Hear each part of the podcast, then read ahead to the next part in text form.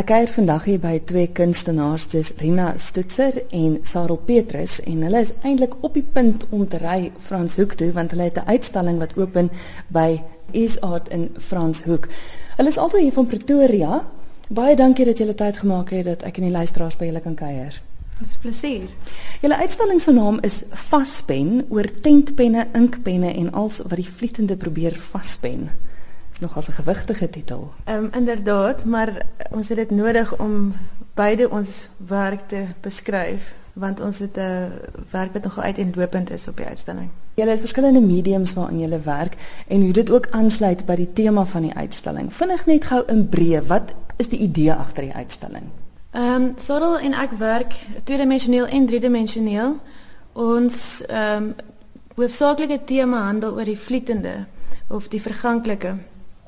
En ons gebruik ehm um, oorvleelende temas soos die natuur as ook ehm um, tydelike nedersetting en ehm um, ons beide werk met patina as 'n as 'n metafoor of materiële uh, metafoor wat verganklikheid aandui.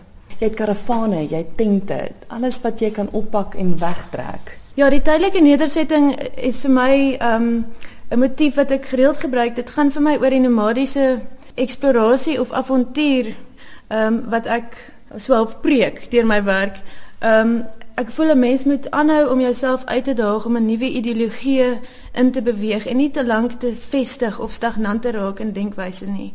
Ehm um, maar om jouself die kans te gee om tydelik te vestig, ehm um, te verken en dan aanhou te soek of ehm um, in die onbekende in te beweeg.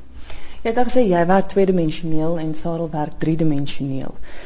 Tweedimensioneel, jy het soos doeke, skilderdoeke, maar wat jy verguld het in brons en dan daarop geverf het. Ook nie met gewone verf nie. Verduidelik gou net die tegniek wat jy gebruik het vir die luisteraars. Ek het ehm um, so 3 jaar gelede begin eksperimenteer met patina as 'n skildertegniek in plaas van om dit aan te wend op 'n beeld soos wat mens die ehm um, normale roesproses sal stop of stil.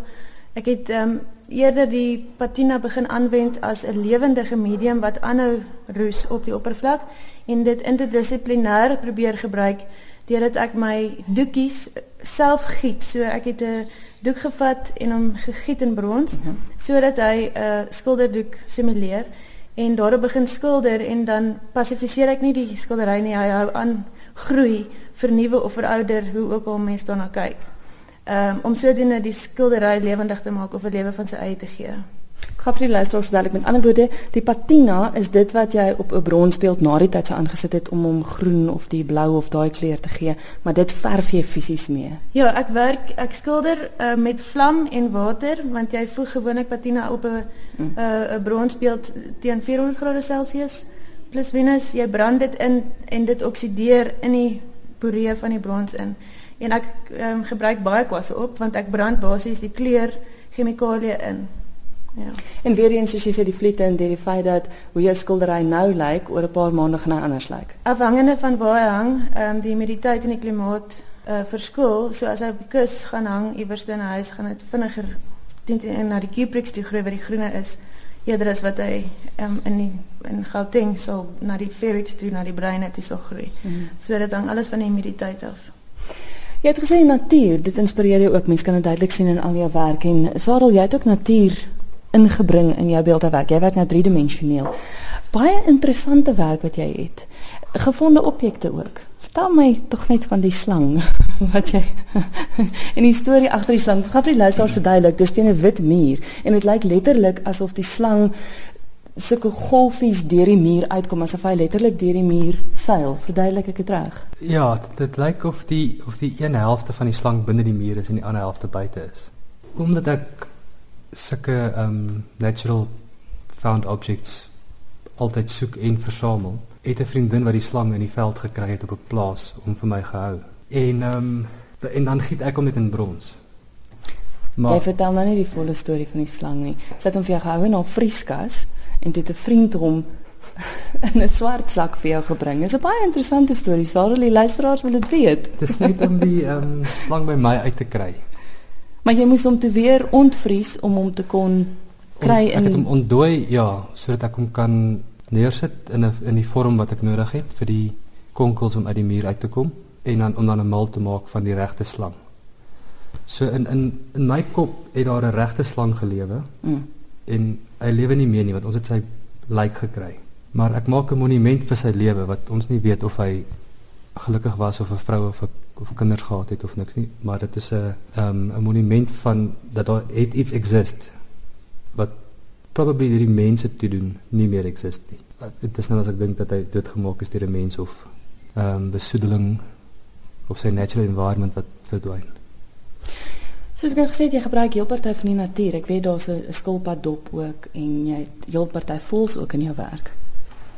Ja, skilpad doppe, baie van hierdie diere, die voels, die paddas, ehm um, wat roadkill is. Hulle hulle vrot nie heeltemal weg nie. Hulle hulle los traces van hulle uh vere en vel wat soos leer word. Paddas word so 'n bietjie soos biltong. En dan kan ek 'n mold maak of ehm um, ek kan 'n mold maak en hom in brons giet of wat ek ook partymal doen is om die actual padda of die actual voel te invest in die ceramic molds. Mm en dan die voel te brand.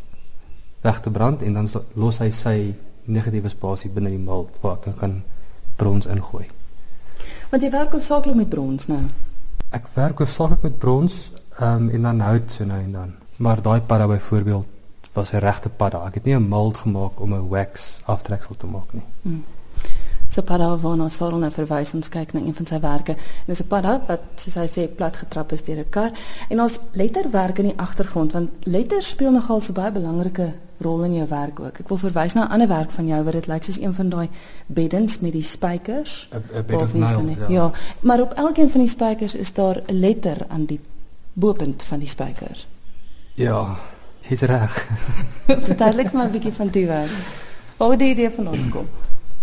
So die die staal die staal punches word gebruik om permanente letters te los op parte of engine nommers of whatever. Maar ek giet hulle nou in brons wat 'n sagte metaal is.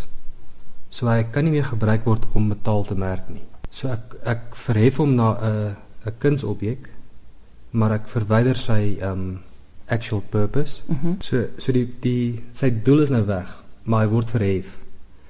En en nou kan hy skryf, maar dit is hoe ons wat ook al ons skryf is kom na die event. En ek het geen bewyse dat my memory meer akkuraat is nie. Want want ek bou aan op my memory en ek sien foto's en ek doen dinge en dan onthou ek iets anders as wat dit was. So ek probeer die geskryf in hierdie geval 'n brief aan iemand permanent maak. Maar ek weet dat dat ek nie die waarheid kan neerskryf nie. Wat interessant is as iemand op daai bed sou gaan lê, gaan daai lettertjies in 'n mens se lyf indruk. En as daai persoon opstaan, gaan jy 'n gedeelte van die brief eintlik kan lees. Wel seker met moeite, maar jy gaan dit kan doen. Ja, daar sal seker swellings wees in die vorm van letters. En wat wonderlik is is daai spykertjies is los. So iemand kan gaan met baie tyd en die lettertjies op ander plekke sit en eintlik hulle eie brief vorm. Ja, ek ek skryf 'n persoonlike brief, maar mense kan dit rondmoe in hulle eie briewe skryf. So eintlik is dit interessant want dit is 'n letterlike en 'n figuurlike indruk wat jy op jou toeskouer laat. Ehm um, ek praat nou namens Sarah maar vir my handel sy werk ook ehm um, spesifiek hierdie tekswerk, maar ook ander werke waarna hy waarin teks figureer is vir my amper 'n liefdesbrief of 'n stukkie poesie wat hy skryf aan die natuur waardeur hy die onbekomme of die die vlietende probeer vasvat. Mm. So dit is dit is dis dis sy poging om om ehm um, dit wat was of hoe dit moet wees te probeer beskryf of neer te lê. Ehm um, maar amper 'n onmoontlikheid. Stem jy saam met Rina? Soos soos die slang weet ek die slang het bestaan maar hy bestaan nie meer nie. Ek weet nie regtig wat die rede is nie. Maar dit was 'n regte slang en nou is hy nie meer nie. Maar ek het nou 'n brons een om daai ene te onthou. En ek ek sou eintlik graag ek sou liewer in die veld wou gaan stap en 'n regte luislang sien as wat ek in die veld gaan stap en 'n dooie een optel. Maar dit gebeur so min. Dit is nogals interessant dat dat julle albei die brons gebruik in 'n tema wat eintlik gaan oor vlietendheid en dinge wat wat verbygaan want brons is eintlik tog maar 'n medium wat beskou word as iets wat vir ewig hou. Exactly. Ek ek ek giet die geskrewe goed in brons. So dis baie meer permanent as die papier waarop ek dit aanvanklik geskryf het. Die papier gaan vergaan en die thoughts gaan vergaan en die memories gaan vergaan en dan het ek uh, bronsbewyse dat ek at least at some point in my lewe iets gedink het. Ja, dis in in kontras, ehm um, die werk het vir my 'n mooi antitesis, ehm um, waarin brons ehm um, miskien gesien word as ehm um, 'n materiaal wat permanentie of die permanente probeer vasvat, wil ons vlietende gedagtes of momente wat die tydelikheid ehm um, uitbeeld probeer vasvat. So dit is bietjie kontradiktief, maar ek dink dit maak die werk net sterker. Rina, jy het hoofsaaklik in met die patina gewerk, maar tog is daar van jou werk wat bloedrooi is. Wat nie met patina gedoen is, nie met waterverf. Ja, ek het 'n um, reeks werk waaraan ek al 'n hele paar maande ontwikkel. Dit het begin in Parys. Ehm um, as mens begin toer, dan besef jy jy kan nie met swaar materiaal soos brons vlieg en werk maak in 'n residensie nie. So mens moet begin dink aan ligter materiaal en ek het waterverf en papier um, by my gehad wat ehm um, wat ek probeer ehm um, hersien as 'n as 'n materiaal en bietjie meer lewe gee. Ek het ek is op soek na 'n beter medium of 'n medium wat die konsep beter oordra of dit bloed is en of dit patina is, weet ek nog nie. Ek soek die soek die ideale pigment. En tans is die proseswerk in waterverf. Dit is almal werk wat gaan lei tot ehm um, verdere ontwikkeling.